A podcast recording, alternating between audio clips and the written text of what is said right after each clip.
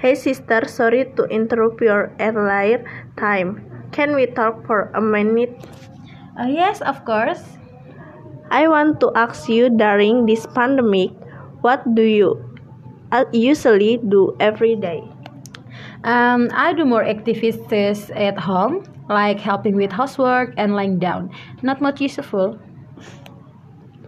Oh yes, I want to ask why did you prefer D3 in nursing to S1 in nursing?